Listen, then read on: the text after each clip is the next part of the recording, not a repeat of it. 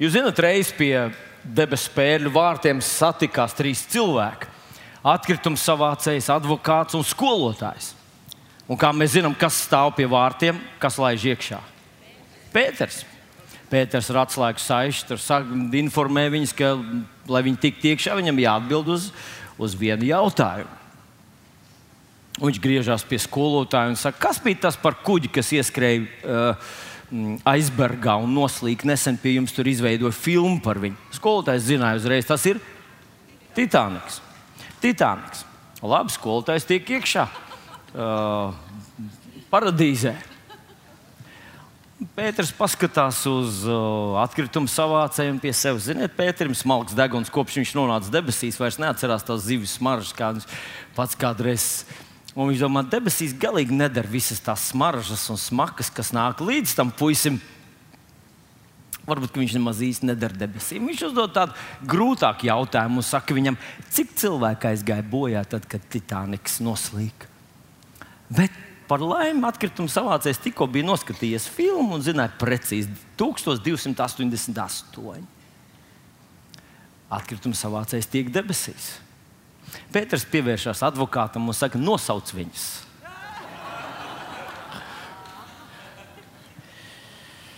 Jā, kā Gīs saka, ka cilvēki mēdz smieties par vienu anekdoti trīs reizes.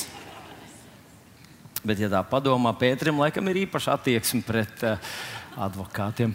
Protams, ka tas tam nav nekā kopīga ar reālo dzīvi. Tas vienkārši tāds mazs jociņš.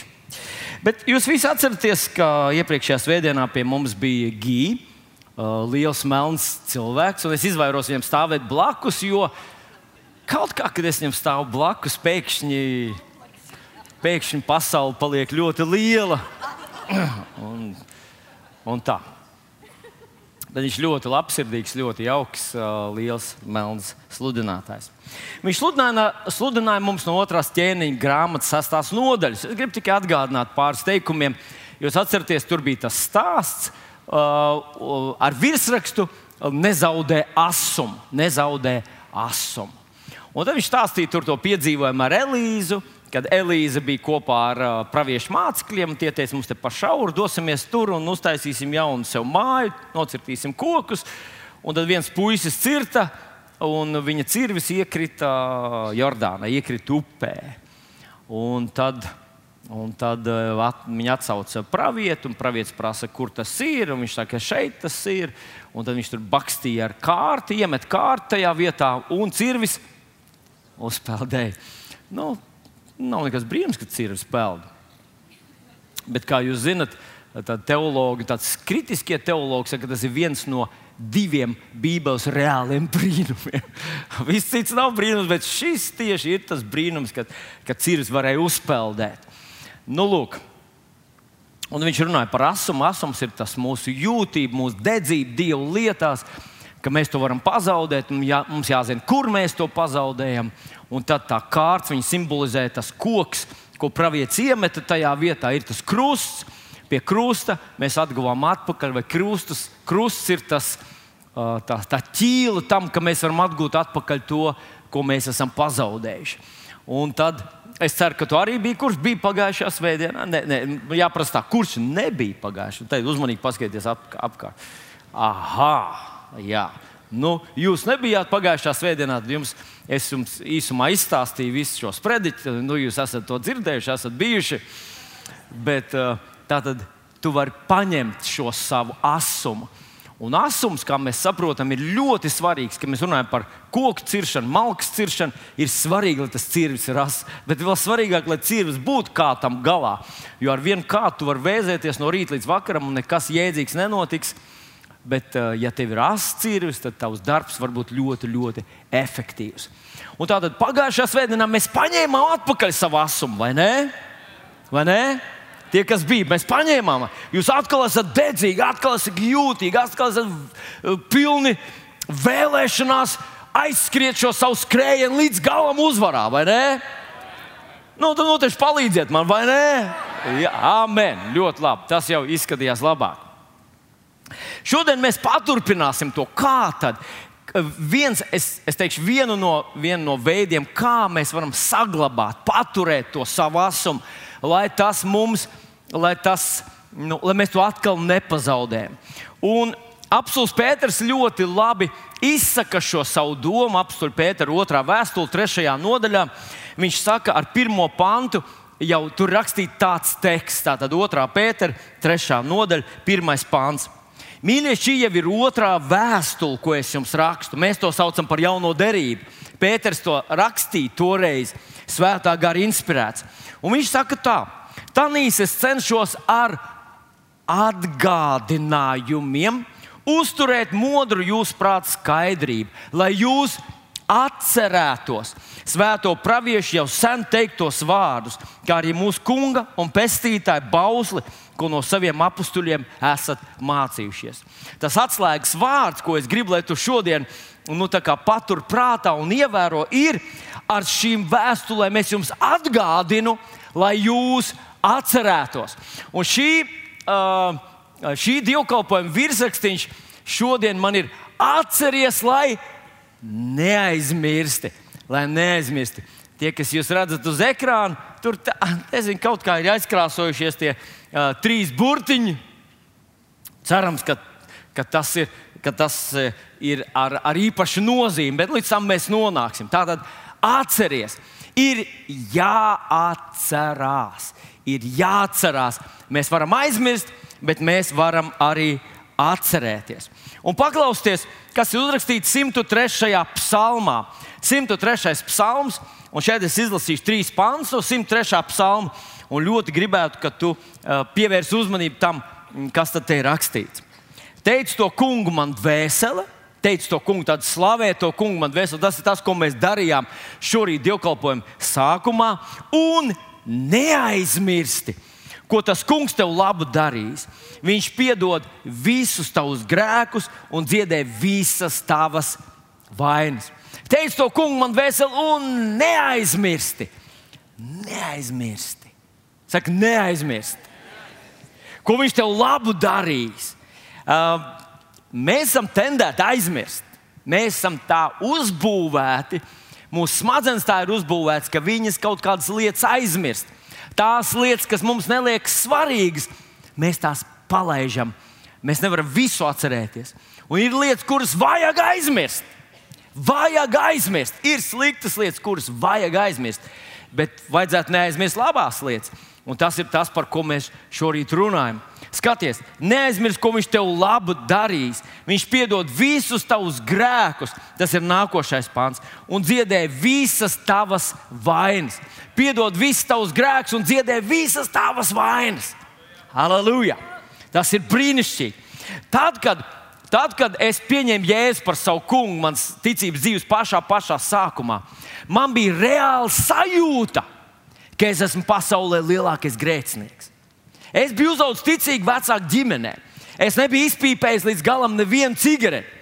Es biju mazliet tikai čieps savam tētim naudu, bet nezināju, ka tā ir zakšanas. Vienkārši paņēmu no viņa, nu, no viņa dziļās kabatas, kur viņš uzvalkā, turēja visus savus. Es zināju, divas vietas, kur, kur var atrast naudu. Vai nu tēta biksēs, nu, vienā no daudzajām, vai starp palagiem. Kur tu glabā savu naudu? Starp palagiem, skaidrs. Nu, nu, lūk, tāds, tāds es biju. Bet, kad es nonācu Dievu priekšā, es sapratu, ka es esmu vislielākais grēcinieks. Vislielākais. Man pat likās, ka pasaulē tie nav tik lieli grēcinieki kā es. Un, kad, viņš, kad es saņēmu savu grēku piedošanu, tas priekš manis bija tāds. Es burtiski, citi to neizjūtu fiziski, es to izjūtu fiziski, īpaši pēc svētā gara kristības, ka ar mani kaut kas ir noticis tāds, No ārpuses bija tas pats, bet iekšpusē es jūtu, es esmu cits. Es esmu cits. Neaizmirst, uh, slavēt to kungu, neaizmirst, ka viņš piedod visus tavus grēkus un dziedē visas tavas vainas. Ievērot, šeit psalmā rakstīts pa, uh, tagadnes izteiksmē, viņš piedod un viņš dziedina. Mūsu gadījumā mums būtu jāsaka, kā? Kā? Pajautā tam, kurš sēž tev blakus. Kā būtu jāsaka? Pagātnes, vai ne? Pa, viņš piedeva visus to un dziedināja, vai ne? Vai ne? Jā, jā, tā ir rakstīts Bībelē. Viņš to izdarīja. Viņš to izdarīja tad, kad mēs ar tevi vēl nebijām izdarījuši nevienu grēku, vēl nebijām dzimuši. Viņš jau piedeva, jau cietināja, viņš jau visu sagatavoja. Tas līdzīgi kā viņš ielika Ādamu dārzā, kurš jau bija gatavs.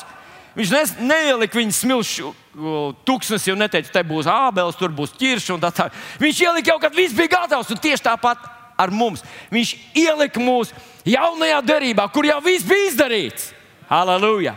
Slavu Jēzum! Bet paklausies, ar to vēl nebeidzās. Vēl tur nākošie panti ir. Ceturtais pāns. Viņš izglāba tev dzīvību no pazudināšanas, vainago tevi ar mīlestību un žēlastību. Lasu tālāk, viņš bagātīgi iepriecina tevi vecumā ar svētīgām dāvanām, tā ka tava jaunība atjaunojas kā ērglis. Es nezinu īsti, ko tas nozīmē. Esmu dzirdējis vairākas versijas, ko tas īsti nozīmē. Dažreiz vienreiz Vienreiz, kad es vēl studēju teoloģiju, viens pasniedzējs tur mēģināja kaut ko savilkt kopā ar latviešu tām dainām, tām, nu, tām nelabajām dainām. Tas ir tāds malks mājiens uz kaut ko. Uh, bet e, e, Es nezinu, vai viņš runā patiesību vai nē, bet es redzu, ka tas ir kaut kas labs. Mēs visi gribam saglabāt jaunību. Mēs visi gribam palikt mūžīgi jauni. Izņemot tos, kam ir 5 gadi, 6 gadi, 7 gadi, tie grib palikt vecāki bet kopš tev ir 50, tu gribi palikt tāds visu atlikušo dzīvi. Aleluja! Bet paskatieties! Neaizmirsti, kā var to aizmirst, ka viņš iepriecina tevi ar svētīgām dāvanām, kad viņš glāb tevi no pazudināšanas, ka viņš vainago tevi ar mīlestību un žēlstību. Vai to vispār var aizmirst? Vai var aizmirst? Var? Paklausieties! Paldies! Viens teica, to aizmirst nevar. Paklausieties, mīļie draugi, man kādreiz mums ir tieši tāda sajūta, ka, ja, ja es patiešām vienreiz piedzīvoju divu, ja es ieraudzītu Jēzu, es to neaizmirstu visu mūžu, vai ne? Ko? Ir jums tāds, ja cilvēks vienreiz saņem dziedināšanu, viņš vienreiz saņem tādu radikālu dziedināšanu, viņš ir galīgi slims un viņš saņem pilnīgi dziedināšanu. Viņš to nekad neaizmirsīs. Ja? Cilvēks bija kaut kur, nu, teiksim, teiksim, cilvēks bija bombs, un Dievs viņam pieskarās, Dievs viņam palīdz, un viņš kļūst par nu, tādu pilnvērtīgu, stabilu sabiedrības tādu, nu, nu, teiksim, uzņēmēju, ka viņš to neaizmirsīs. Ko? Tā ir vai nav? Mums ir tāds sajūta, ka, ja, ja mēs kaut ko patiešām ieraudzītu, tad tas, tas paliktu. Bet paskatieties, mīļie draugi, paskatieties uzmanīgi vecajā derībā. Vispirms viņi bija vergi. Viņš viņus izved, Dievs viņus izved ārā no verdzības. Un viņi pēc tam runāja par to verdzību. Tas gan bija labs laiks. Viņi aizmirsa. Aizmirsa.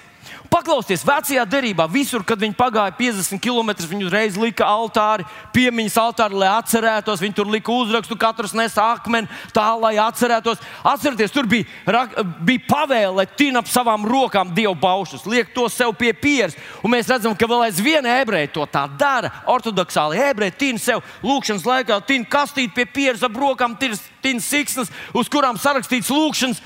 Viņi liek pie savām durvīm mezūzu, tas tās, tās lūkšanas, lai visur sev, kur tu paskaties, lai visur to atcerētos. Paklausieties vēl, viņi redzēja kalnu, no kurā bija Dievs.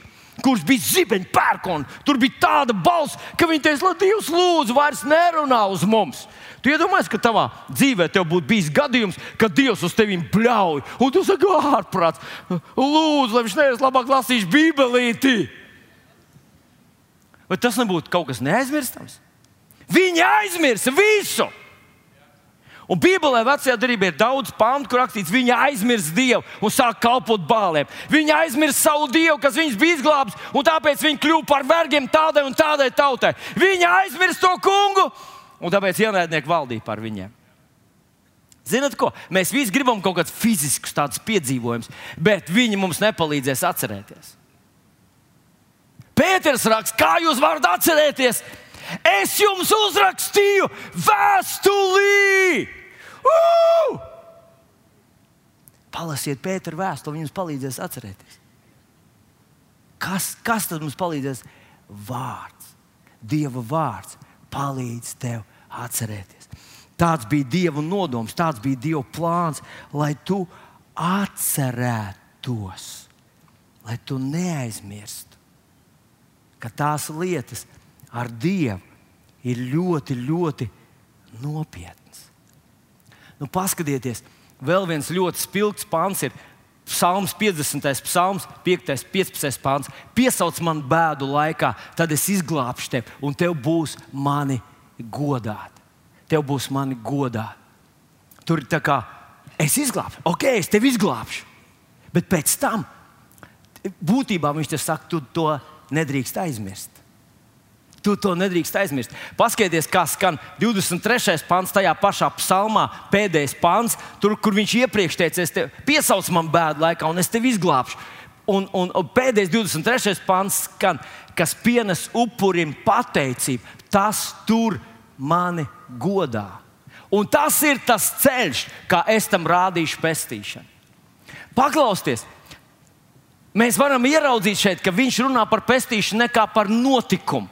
Viņš nerunā par to, ka Dievs vienā mirklī, vienā pirmdienā, vienā svētdienā, vienā lūkšanā, vienā pēcpusdienā ienāk tavā dzīvē, čingam, bum, bum, sakārto visu, un viss ir kārtībā. Viņš runā par to, ka viņš tev palīdzēs, bet tu to varēsi aizmirst. Tu varēsi, bet, lai tu neaizmirsti, tas ir tavs uzdevums. Tā ir tava atbildība. Neaizmirst, kā mēs neaizmirstam, mēs dodam godu. Mēs pateicamies Dievam. Tā mēs neaizmirstam. Mēs sev atgādinām, ko Viņš priekš manis ir izdarījis, ko Viņš izdarīs. Dievs manim izdarīs to. Es esmu vecs kristietis. Es esmu vecs kristietis. Un manus grēkus, kā es teicu, es piedzīvoju grēku piedošanu ļoti, ļoti agri. Man bija kaut kāda, varbūt kaut kāda 11 gadiņa, 12 gadiņa, kad es piedzīvoju radikālu pestīšanu un saņēmu svētā gara kristību. Un pēc kādiem gadiem tu sev atgādini, tev grēki ir piedot, tev grēki ir piedot. Bet, zini, tu esi to izrunājis tūkstošām reižu. Un ir tā tendence, ir tā iespēja, ka tas vairs neizsauc tevī tādas emocijas, tas vairs neizsauc tevī tādu viļņošanos, tas vairs neizsauc to lielo pozitīvo lādiņu, tev grēki ir piedot. Tu vari to aizmirst. Bet tu mērķiecīgi to atkal un atkal sev atgādini. Tu atkal to sev apraksti. Tu, tu darot to, darot to, tu nevis uzkurini savas jūtas, bet tu dod godu Dievam par to, ka Viņš ir tevi tādu mazu pelēku un tā tālāk izglābis ka viņš pievērs uzmanību tev, viņš atnāca pie tevis, viņš uzlūkoja tevi, nenoniecināja, nevērtēja tevi pēc taviem rādītājiem, bet vērtēja tevi pēc savas mīlestības. Un kad tu viņam pateicies, ka tu atkal atgādini, tu to izdarīji, tu biji brīnišķīgs, tu dod Dievam godu, aizmirstot viņu. Tu faktiski esi egoists. Tu domā tikai par sevi. Un tu nenovērtē to, ko Dievs ir ieguldījis tavā dzīvē, bet Viņš ir ieguldījis tavā dzīvē neizprotam, neaptveram milzīgas, lielas bagātības, milzīgas, lielas dārgumus. Un es gribu atgādināt jums, mīļie draugi, ka Jēzus nobeidzot savu kalpošanu, viņš uzrīkoja tās, uh, tas, ko mēs saucam par svēto vakarēdienu. Un tad viņš teica, šī maize ir mana miesa, mana miesa, kas par jums to dod. Paklausieties! Un viņš saka, to dariet mani pieminēt. Faktiski tas ir vēl viens veids, kā mums atgādināt. Es gribu tev atgādināt, ka es par tevi devu visu. Es gribu tev atgādināt, ka tu man nozīmē visu. Es gribu, lai tu zini, lai tu neaizmirsti, ka es devu savu dieva dzīvību, dieva asins par tevi. Atceries to. Un tad viņš nobeidz, un šīs ir jaunās derības asins mūsu attiecības ar Dievu, attiecības ar Dievu apstiprināts ar Jēzus asinīm.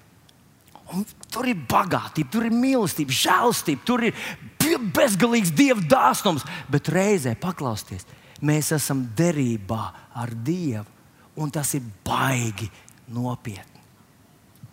Baigi nopietni. Nu, man negribētos, ka jūs sadzirdētu šodien tādu, tā tādu draudu uh, akordu manos vārdos. Bet, lai jūs saskatītu tajā, ka, to, ka tas ir kaut kas tik ļoti nopietns, tik ļoti svarīgs, ka to nedrīkst aizmirst. Jo īpaši, ja tu esi, ja tu neesi egoists, ja tu neesi pasaules naba, ja tu neesi uh, pats galvenais no visiem. Kaut kad man bija tāda sajūta, ka es, grib, es teicu Dievam, kungs, es esmu glābts. Viss, taisam ciet pasauli. Tā kā beidzam, viss. Tūlīt nāk eņģeļi, visi tur nu, trumpus, visi pūš, un, un mēs ejam uz mājām. Un tad kaut kā tā pavisam vienkārši Dievs ierunājās. Bet es mīlu vēl tik daudz cilvēku, kas šobrīd vēl nav glābti. Viņu dēļ es nenākšu. Es gribu, lai viņi arī tiek glābti. Un tas man palīdz tev iemācīties godāt Dieva ieguldījumu, mīlestību. Viņa rūp par tevi, viņam upuri, godāt. Neaizmirst to, bet godāt. Ja tu būsi iemācījies godāt, tev tas nebūs grūti, tev tas būs viegli. Un es gribu teikt, ka godāt mēs iemācāmies kur? Ģimenē. Ģimene ir pirmā vieta, kur mēs iemācāmies patiesi, nevis, nevis visu man, es rūpēties par maniem. Un tie, kas rūpēs par maniem, nav svarīgi. Ģimenē mēs iemācāmies, ka tie, kas man ir apkārt, ir ļoti svarīgi un ļoti nozīmīgi.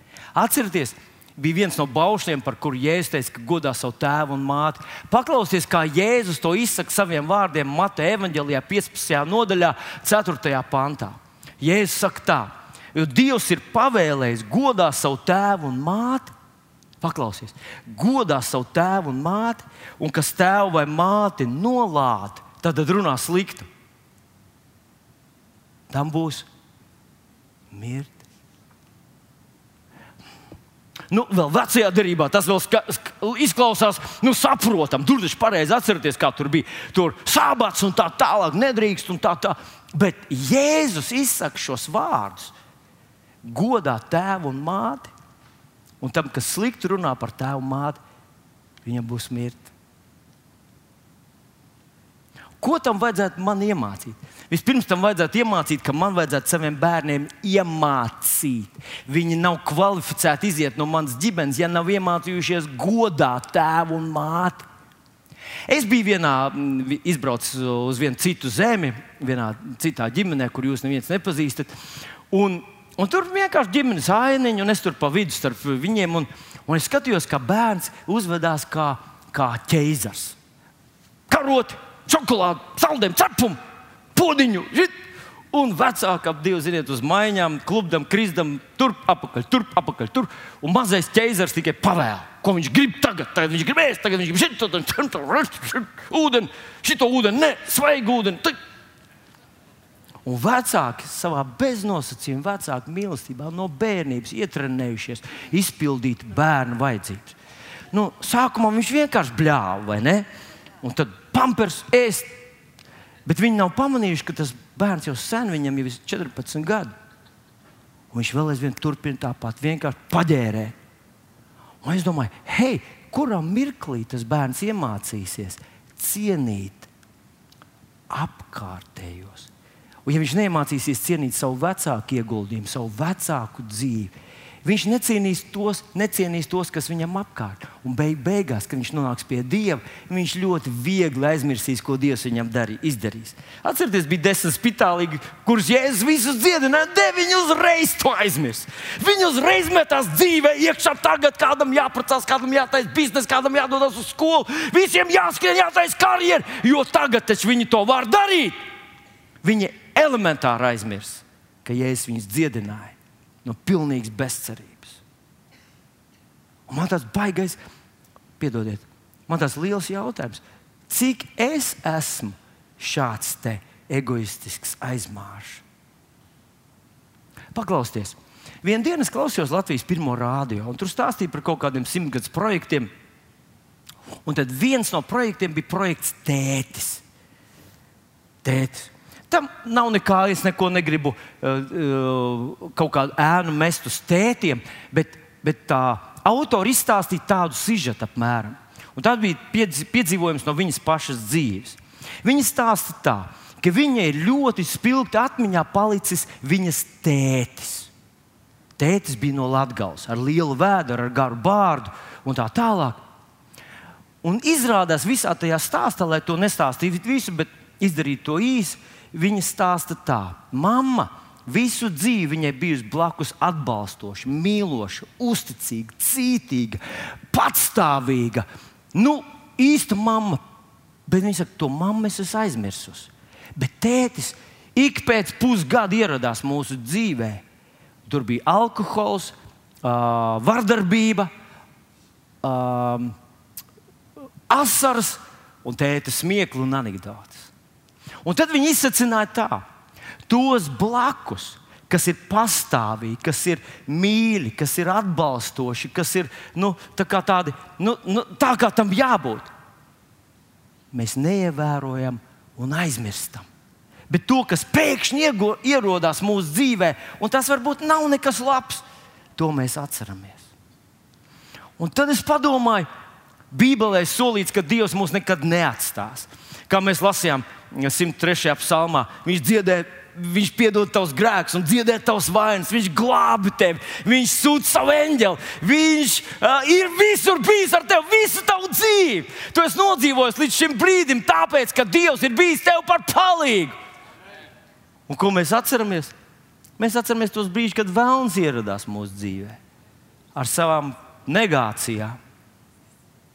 Ziniet, kā dažreiz uh, vecāki mācās no saviem bērniem. Un mūsu, mūsu meitiņai viņa dēls ir Eliots. Un viņš, viņš te kādu laiku paslimoja, un vecāki par viņu lūdzu, un lūdzu, un lūdzu, un nepalika uzreiz labāk. Un vienā dienā divgadīgais Eliots izteica tādu frāzi: Jēzus man nepalīdz. Jēzus nedziedina. Un, zināt, es pirms sāku domāt, paklausīties, lai tādu secinājumu izdarītu. Tur nu, divgadīgs bērns, kāds viņam to ir pateicis. Nu, es nezinu, kāds viņam to ir pateicis. Man nav pateicis, bet vecāki salēcās no tādu bērnu vārdiem. Un ko tad viņi darīja? Viņi sāk viņam atgādināt, cik daudz Dievs mums ir palīdzējis. Viņš palīdzēja tur, viņš palīdzēja tur, viņš svētīja tur, viņš aizstāvēja tur. Viņš visu laiku mums ir visas mūsu dzīves garumā, ir bijis mums blakus. Un tas mazais bērns sāka domāt, jūs zināt, divgadīgs bērns sāk mācīties, vai godāt, vai godāt savus vecākus, vai godāt Dievu. Ne par to, ka šobrīd nenotiek tā, kā es ticēju, es tā gribēju, es lūdzu, es saucu, es raudāju. Un nav. Vai mums tā nav bijis? Ja mēs vērtējam pēc klātbūtnē brīža, mēs vispār teiktu, Dieva nav. Bet tāpēc neaizmirst man dvēseli, ko tas kungs tev labi darīs. Viņš piedod visus tavus grēkus un dziedē visas tavas vainas. Un tad šis pāns 1. korintiešiem 12, 7. Bet ikvienam ir dot gara izpausme, lai nestu svētību. Vispirms, esmu pārliecināts, ka katrs no mums apzinās, ka mums ir kaut kāds savs pienesums, jādod. Mums ir jābūt par svētību. Lūst vai plīst, tev un man mums ir jācenšas būt par svētību. Mēs tādi esam. Dažreiz tas jāpieņem ticībā. Dievs tev ir devis kaut ko par svētību. Bet šoreiz gribu paskatīties no tās otras puses. Nu, paskaties, mīļais draugs. Vai tev nebūtu jāiemāc savam bērnam, ka, teiksim, nu, pieņemsim, šeit viņš nāk iekšā draudzes namā, un tur sēž mūsu dežurants. Nu, viņš izskatās pēc, pēc mēbeles, pareizi. Viņš izskatās pēc uh, krēsla, durvīm. Tā. Bet, bet tas ir cilvēks, kurš tādā veidā nu, palīdz mums visiem. Ka, nu, tas nebūtu pareizi, ja bērns izrādītu kaut kādu vai, vai mēs paši sāktu ar to, ka mēs paši izrādītu kaut kādu labdienu, uz redzēšanos. Jūs labi izskatāties tur šodien. Izskatieties pēc gleznas, tikai domāju, kas tas par autoru, kā jūs tur sēžat tajā rāmī.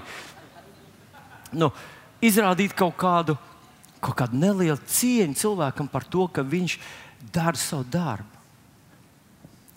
Nu, aizej veikalā, kasieris tur sēž. Ko lūdzu? Jā. Tu aizej veikalā un tur ir kasieri.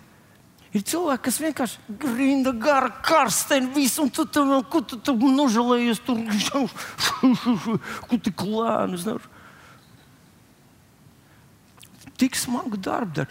Ja, ja mēs saprotam, ka viņi mums ir vajadzīgi, Mums ir vajadzīgs autobusu šofers, mums ir vajadzīgs sētnieks, mums ir vajadzīgs cilvēks, kas, kas apkalpo mums, palīdz mums šeit vai tur, vai mazgā mūsu drēbes, ķīmiskajā tīrītavā, vai robežsargs, vai policists. Vai kus, tie visi ir cilvēki, kas kaut kādā veidā mūs svētī. Ja tā visa nebūtu, mēs dzīvotu kā mežonīgos rietumos, mums būtu jāšaujās uz visām pusēm pašiem. Bet cilvēki, es gribu teikt, ka šī valsts vispār eksistē, tāpēc ka tik daudz cilvēku ir par svētību. Mums to vajadzētu novērtēt.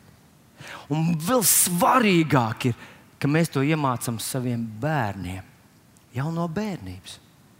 Māmiņa, vai tu varētu man padot to un to? Tēti, lūdzu, es gribu uz podziņu.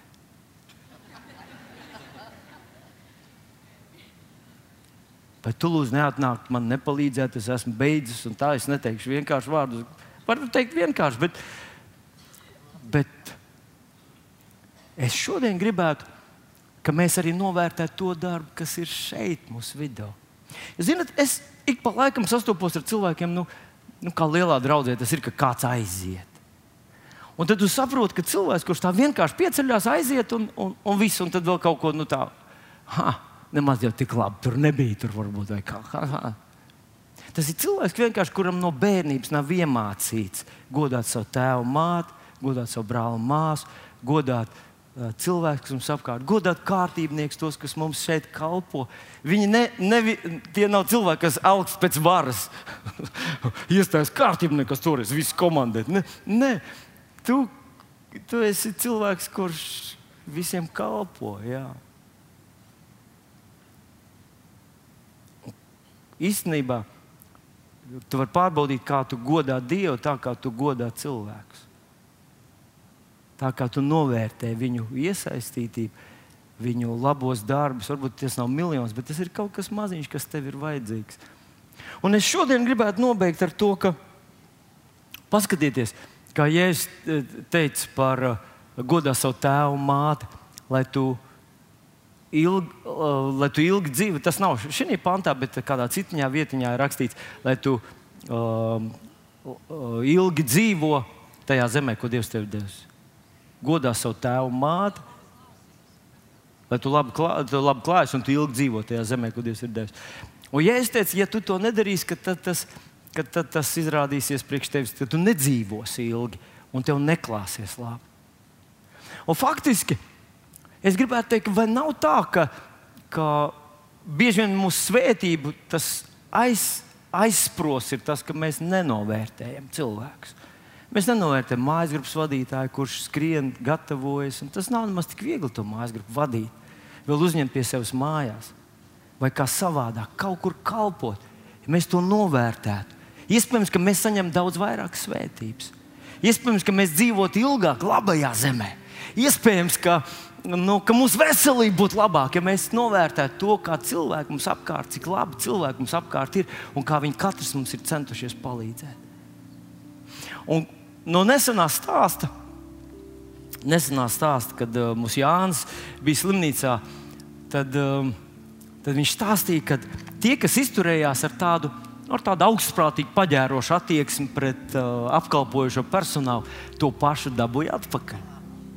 Bet tie, kas izturējās ar tādu milzīgu pateicību, paldies jums, uh, sanitārīt, paldies jums, ka jūs atnācāt, paldies jums, ka jūs samainījāt. Uh, nu, kaut ko tur šo vai to, vai vēl, vēl kaut ko pamperu vai, vai, vai kaut ko. Paldies jums, jūs to tik izdarījāt, tik mīļi, ka tas cilvēks burtiski atplaukst.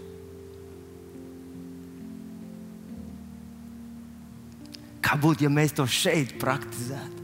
Mēs iemācītu saviem bērniem, praktizēt to savā ģimenē, mājās. Mēs praktizētu. Un tad mēs atnāktu pie Dieva. Mums nebūtu grūti atcerēties, kungs, tu piedevi visus manus grēkus. Wow! Tu piedevi visus manus grēkus, tu dziedēji visas manas vainas. Tas ir, tas ir veids, kā man ticība darbojas. Eviziešiem 3, 17, 18. Pāvils raksta, un lai jums, lai Kristus jums ticību turot, mājot jūsu sirdīs. Kā Kristus mājos, kad tu tur ticību, ticība sākās ar paldies. Tev. Paldies, paldies tev, man ticība aktivizējas. Viņa darbojas. Hū, hū, paldies, tev, tu esi man izglābis, tu man izredzēji, tu man svētīji, tu kļūsi par grēku, lai es būtu par svētību. Tu esi mani atpestījis. Un tu esi darījis caur cilvēkiem. Huu! Tavu dzīve pēkšņi ir brīnišķīga. Halleluja, Jēzus vārdā. Šorīt mums būs arī vakarēdiens. Un kā jau minēju, Jēzus mums to atstāja, lai mēs atcerētos, ko Viņš priekš mums ir izdarījis lai mēs atkal sev atgādinātu, neaizmirst to, ka Dievs ir piedevis mūsu grēkus. Mēs esam Viņa bērni, mēs esam iegājuši Viņa jaunajā derībā. Tā derība ir apstiprināta ar asinīm. Viņš ir mūsu Dievs, mūsu glābējs. Mums nav atpakaļceļa, bet tas ceļš, pa ko mēs ejam, ir brīnišķīgs. Jēzus vārdā. Piecelsimies kājās. Mūsu debesu Tēvs, no visas sirds es Tev pateicos par to, ka šajā rītā mēs varam būt tavā namā. Paldies, tev, ka mēs esam tavi dēli un meitas. Paldies, tev, ka mēs esam tie, kas nekad nu, mēs gribētu neaizmirst. Mēs varam neaizmirst, kad mēs skatāmies tavā vārdā, kad mēs ļaujam vārdam mums atgādināt to, cik daudz, cik intensīvi, cik pašaizliedzīgi tu mūs mīli un mūs glābis. Un mēs pateicamies Tev, Kungs, ka tajā naktī, kad Tu tika nodots, Tu atstāji mums savu maizi pārlauzu un teici, tā ir mana miesa, kas par jums to dod. Un tad tu paņēmi biķeri un teici, šis biķers ir jaunā darība manā asinīs. Cik kārt jūs no tās dzerat, to dariet mani pieminēt. Kungs, šodien mēs pieminam to, ka tu esi devis savu miesu par mums un tu esi izlaists savus asins par mums. Un mēs esam jaunās derības dalībnieki, mēs esam svētītās derības, mēs esam apsolījuma pilnās derības, mēs esam prieka un žēlastības pilnās derības mantinieki. Un mēs to neaizmirsīsim. Kungs, mēs negribam to aizmirst. Mēs gribam to vienmēr atcerēties. Un mēs paliktu atvērti, jūtīgi un pieejami Tev. Un mēs ietu pa ceļu, kas saucās pestīšana. Paldies, Tev, debes Tēvs! Halleluja! Mēs te mm, pielūgsim Dievu vēl mirklīt ar, ar, um, ar dziesmu. Un tad mums kārtībnieks sagatavos vakarēdienu. Ja tev ir viss attiecības ar Dievu kārtībā, tu vari to baudīt, atgādinot sev. Ja tu neesi pieņēmis Jēzu par savu kungu, tad pēc mirkļa tev būs iespēja Jēzu Kristu pieņemt kā savu kungu, savu glābēju. Mans Jēzu, mans glābēji, nav it neviens kā dienu pēc dienas, vēlos tik vien teikt tavas mīlas brīnumus.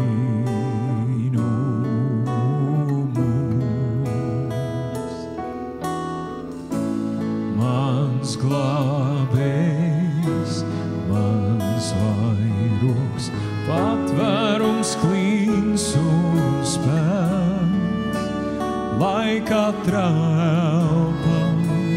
viss, kas es esmu, tevi pielūgt